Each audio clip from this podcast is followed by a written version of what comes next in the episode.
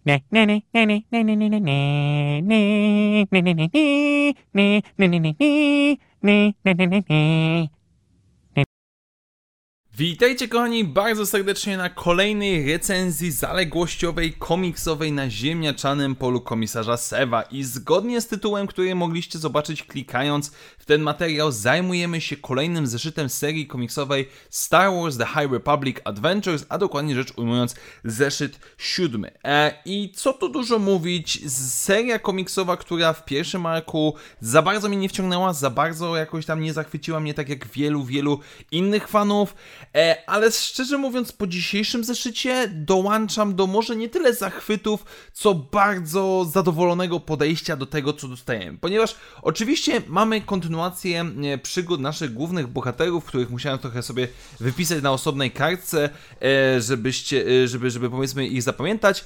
Kontynuację przygód naszej ekipy Jedi, którzy wyruszyli na Nar Shaddaa, żeby negocjować z chatami. W międzyczasie okazuje się, że jeden z chatów, czyli Jabba, chce sabotować te rozmowy dyplomatyczne e, które mają zacieśnić więzi między Republiką a Hatami w walce przeciwko Drengirom.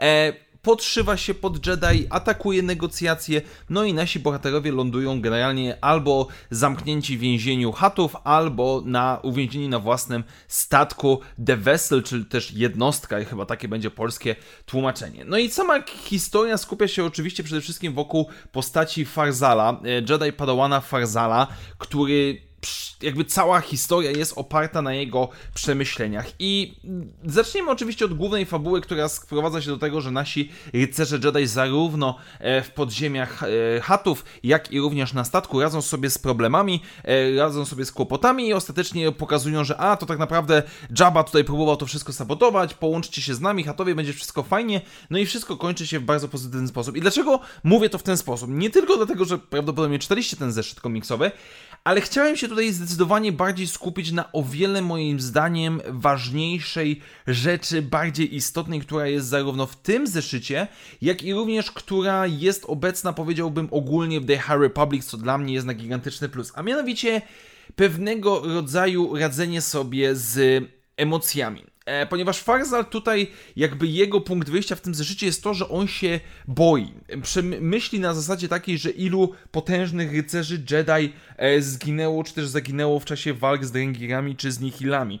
Więc czuje się w pewien sposób winny tego, że boi się. Czuje się winny tego, że upadł jako w pewien sposób Jedi i nie potrafi się z tego podnieść. I dzięki jakby tym jego przemyśleniom mamy e, wspomnienia, jakby mamy jego retrospekcje, w których on rozmawia ze swoim e, mistrzem obratu Gli, który był widoczny w poprzednim zeszycie komiksowym, to jest ten, ten z muchomorem, że tak powiem, na głowie i z wieloma rękami, który w tym komiksie oczywiście też również w pewnym momencie wyciąga, w momencie kiedy trzeba wyciągnąć e, miecze świetne.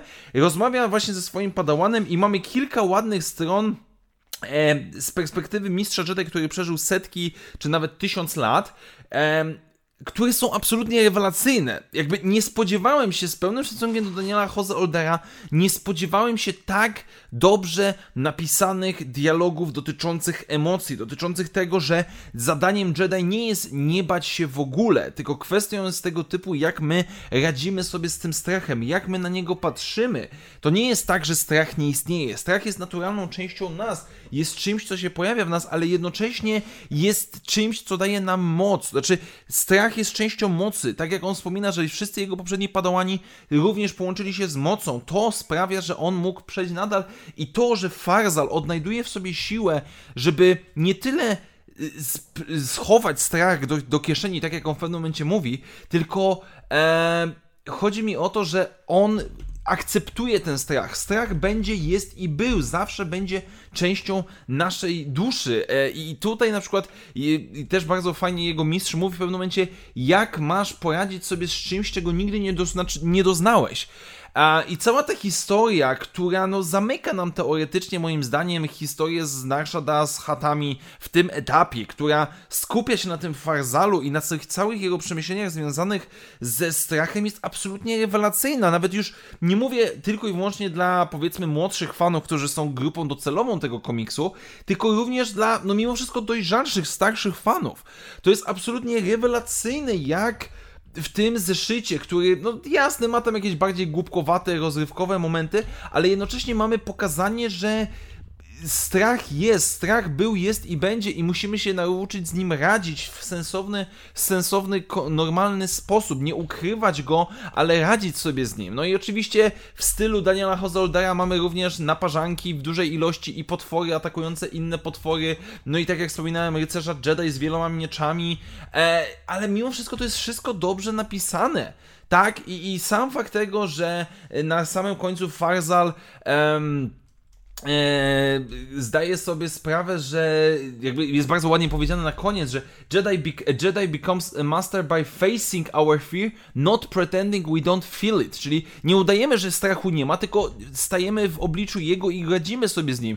I na końcu jest wspominka na ostatniej stronie and the only way to do is by realizing that the true Jedi is never really alone. To jest, to jest absolutnie rewelacyjne, tak, że mamy wsparcie kogoś innego, że inni ludzie nas będą wspierać. Strasznie niesamowicie mi się to podoba podoba, zarówno w tej serii komiksowej, jak i w samym The High Republic komiksowym, jak i również w niektórych książkach te motywy emocjonalnego rozwoju, powiedzmy, młodszych osób, czy ogólnie osób, jak radzić sobie z emocjami, bardzo, bardzo mi się podoba, przez co zeszyt siódmy e, The High Republic Adventures ląduje naprawdę wysoko na mojej prywatnej liście i jestem zachwycony tym, co dostaliśmy. Tak więc dziękuję Wam bardzo serdecznie, moi drodzy, za dzisiejsze spotkanie. Jeżeli podoba Wam się to, co robię tutaj na kanale, możecie postawić mi wirtualną kawę, link znajduje się w opisie tego materiału. A ja na dzisiaj dziękuję Wam bardzo serdecznie. Do usłyszenia w następnych materiałach i jak zawsze, niech bądź będzie z Wami. Na razie, cześć!